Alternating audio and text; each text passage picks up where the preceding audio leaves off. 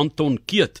Hy's hoof van risikodienste by One Life. Vrydag was wêreld slaapdag Anton en baie mense in Suid-Afrika die word eintlik beroof van hulle slaap op 'n manier. En ek dink jy weet daar die ou daar het mense gesê 6 dae moet jy arbei en al jou werk doen en die 7de dag moet jy rus. En Saterdag het jy sport gedoen en Sondag het jy afgeskakel en gerus en geslaap en skielik het die wêreld verander. Dis nou 7 dae 'n week. Dit is 24 uur lank lig in die wêreld in die stede.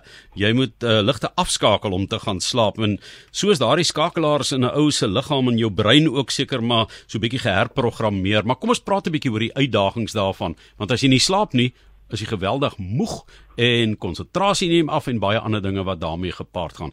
So gee vir ons so 'n bietjie die agtergrond van hoe slaappatrone ontwikkel deur jou dekades van groot word. Hallo Johan en ehm um, dankie dat dankie dat julle dankie dat julle op die show het. Ehm ja, weet jy as dit so vannag as ek sien by die venster uitkyk en ek sien hoe rederig is, dan is dit 'n lekker dag vir die ouens om 'n bietjie op te vang. Maar die probleem is ehm um, is is tans soos wat jy nou genoem het, dit gaan oor waar ons tans is in die wêreld. Dit gaan oor alles wat so vinnig gebeur dit gaan oor ouens wat nie wat nie wat nie die regte hoeveelheid slaap inkry nie. Die ehm um, die slim ouens sê jy moet so tussen 7 en 9 ure 'n aand inkry. Maar dit gaan nie net oor die oor die hoeveelheid slaap wat jy kry nie, dit gaan ook oor die tipe slaap wat jy kry. En ek dink baie ouens weet nie dan noodwendig altyd presies hoe dit werk nie. Hulle weet nie noodwendig, jy weet jy moet eintlik 'n groot gedeelte diep slaap inkry. Nee, en baie ouens weet ook nie noodwendig hoe hulle slaap nie want hulle het nie die die die gereedskap om om om dit te monitor en dit te verstaan nie. So so dit is vir ons by One Life maar probeer om 'n klein bietjie 'n verandering in die wêreld te maak. Ons probeer kyk na mense se gesondheid. Ehm um, as ek so 'n bietjie dit vinnig kan sê wat ons doen, ons het 'n produk waar jy um, as jy lewensversekeringspolis by ons uitneem, dan kry jy 'n horlosie, 'n nuwe horlosie, monitor jou slaappatrone onder andere. En dit is waar die bewusmaking vandaan kom. So nou kan jy sien, kykie, ek het nou gisterand in plaas van 7 tot 9 ure het ek miskien 5 ure geslaap. Van daai 5 ure was ek seker maar 'n uur wakker gewees. Want ou besef nie as jy wakker is regtig, jy swaal van daai middel tussen slaap en wakker. En dan is daar ook die droomfase wat ek noem my REM fase of daai REM fase. En dan kan jy nog 'n goeie idee kry van van hoeveel jy geslaap het werklik en werklik diep geslaap het en eers dan kan 'n mens regtig jy weet iets aan begin doen. Hmm. Ek sien dat um, die navorsing wat gedoen is um, deur julle ehm um, saam met jy weet uh, uh, deur One Life en uh, wat julle gedoen het ehm um, is dat 40% van die mense kry maar die aanbevole 7 tot 9 uur slaap en net 10% 8 tot 9 uur slaap. So Suid-Afrikaners sukkel om daai daai ritme te slaan hè. Dis heeltemal reg Johan, dis heeltemal reg en ek dink dit is 'n wêreldwye probleem. Ek dink nie so noodwendig net ons nie, maar dit is soos jy ook reg gesê het aan die begin, die tye het so baie verander. Jy weet in die ou dae kon jy gaan slaap het as jy as jy as die ligte afgegaan het want jy moet vroeg opstaan om die koeie te gaan melk.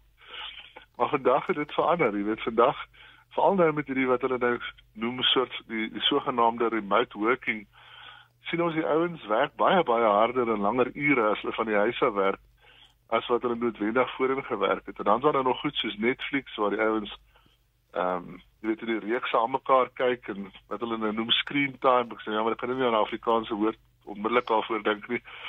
Maar maar maar al daai goede, al die al die moderne ehm um, ek wil amper sê ehm um, al die moderne impakte wat dit het, het op 'n ou se se slaaptyd is nie gesond nie. Jy weet, want daar's baie daar's baie ernstige gevolge. Jy het 'n paar genoem, jy het byvoorbeeld genoem van 'n verlies aan produktiwiteit. Ouens is moeg, maar daar's ook motorongelukke. Jy weet ouens wat aan die slaaprak agter die stuurwiel. Daar's ook 'n kwessie van van wat ernstige siektes soos hartsiektes en, diabetes en goed wat wat jy eintlik kan vermy as jy as jy die regte slaappatrone handhaaf. Nou jy het gepraat van 'n toepassing aan 'n foon wat dit monitor. Daar's 'n paar van hierdie apps of toepassings wat 'n mens kry wat dan ja. wat dan kyk na jou patrone, byvoorbeeld deur die nag, die rem ja. slaap en al die tipe van dinge. So ehm um, so jy uh, vir mense voorstel jy het net ook gepraat van byvoorbeeld op die plaas waar mense met die son moes saam want jy kan nie in die donker werk nie dan gaan jy die koeie melk dan kom jy terug En dan ehm um, jy weet, oupa het altyd so 'n uh, 'n lekker ou vinnige slaapie, jou eeltjie geknip in die middag, 'n power nap, net so 10-15 minute. Ja. Ehm um, as 'n mens baie moeg is, is dit iets waaraan jy kan dink as jy sukkel met slaap deur die nag. Ja, definitief. Maar die probleem is in vandag se wêreld moet jy werk daai tyd. So in vandag se tyd is jy totaal een op kantoor of jy werk van die huis af, ehm um, tussen sinema 7:00 die oggend en 7:00 die aand. En jy kan nie regtig bekostig op amper daai soos jy nou sê daai 10 minute per nap te vat nie.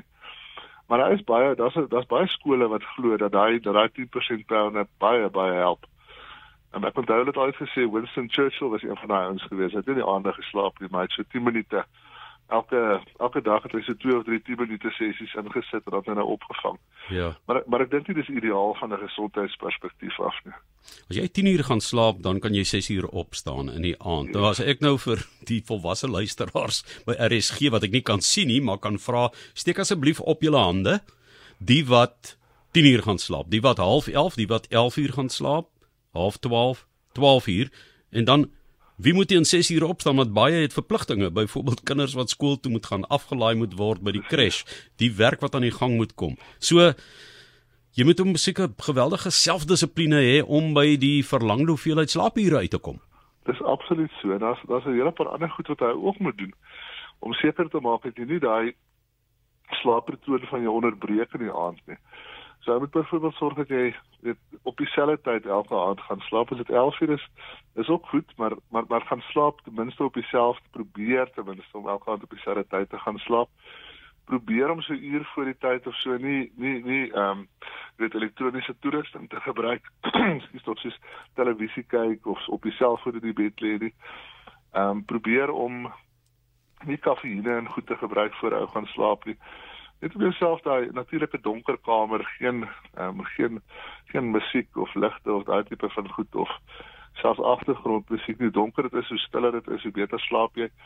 Want dis daai tyd in die aand wat jou liggaam homself ehm um, wat wat jou liggaam herstel. Hmm. Jou brein eintlik alles regpak wat jy die, wat jy die vorige dag gedoen het in jou in jou brein eintlik homself weer van voor af regenereer. En as jy en as jy as jy dit nie doen nie en jy kry byvoorbeeld sê my kry 7 of 8 ure se slaap, maar dit was net slegte slaap. Dan sê agterkom die volgende dag jy nog steeds baie baie moeg. En en dis dan wanneer dit veral as dit met masjinerie werk, ouens wat bestuur en so aan. Jy kan nie regtig bekostig om moeg te wees in die dag nie.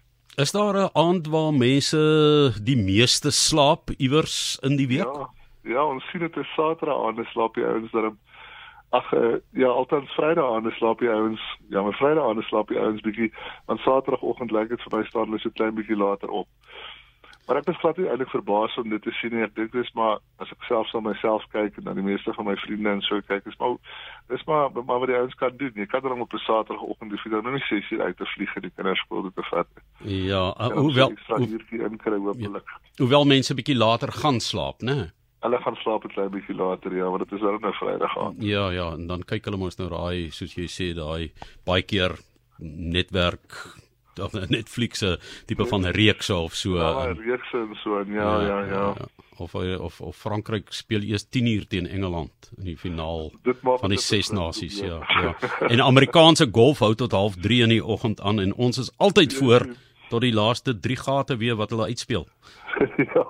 Ek doen dit net nie meer nie. Ek so kan dit nie meer. Baie, baie uitdagings. ja, ja, baie. Maar baie dankie Anton dat jy met ons gesels het en uh, vir ons so 'n bietjie die sluier gelig het op hierdie sake. En dit was Vrydag, was dit nou uh, internasionale slaapdag en uh, ons het uh, vinnig gesels met Anton wat die hoof is van risikodienste by One Life. Dit is Anton Keet wat vir ons vertel het ook van ja, gaan kyk maar bietjie na die toepassings wat vir jou mee deur die nag want jy kan jy nie jouself meet nie. Jy kan net nie verstaan hoe jy so moeg is in die oggend as jy opstaan nie, né? So lekker om daarna ook te kyk.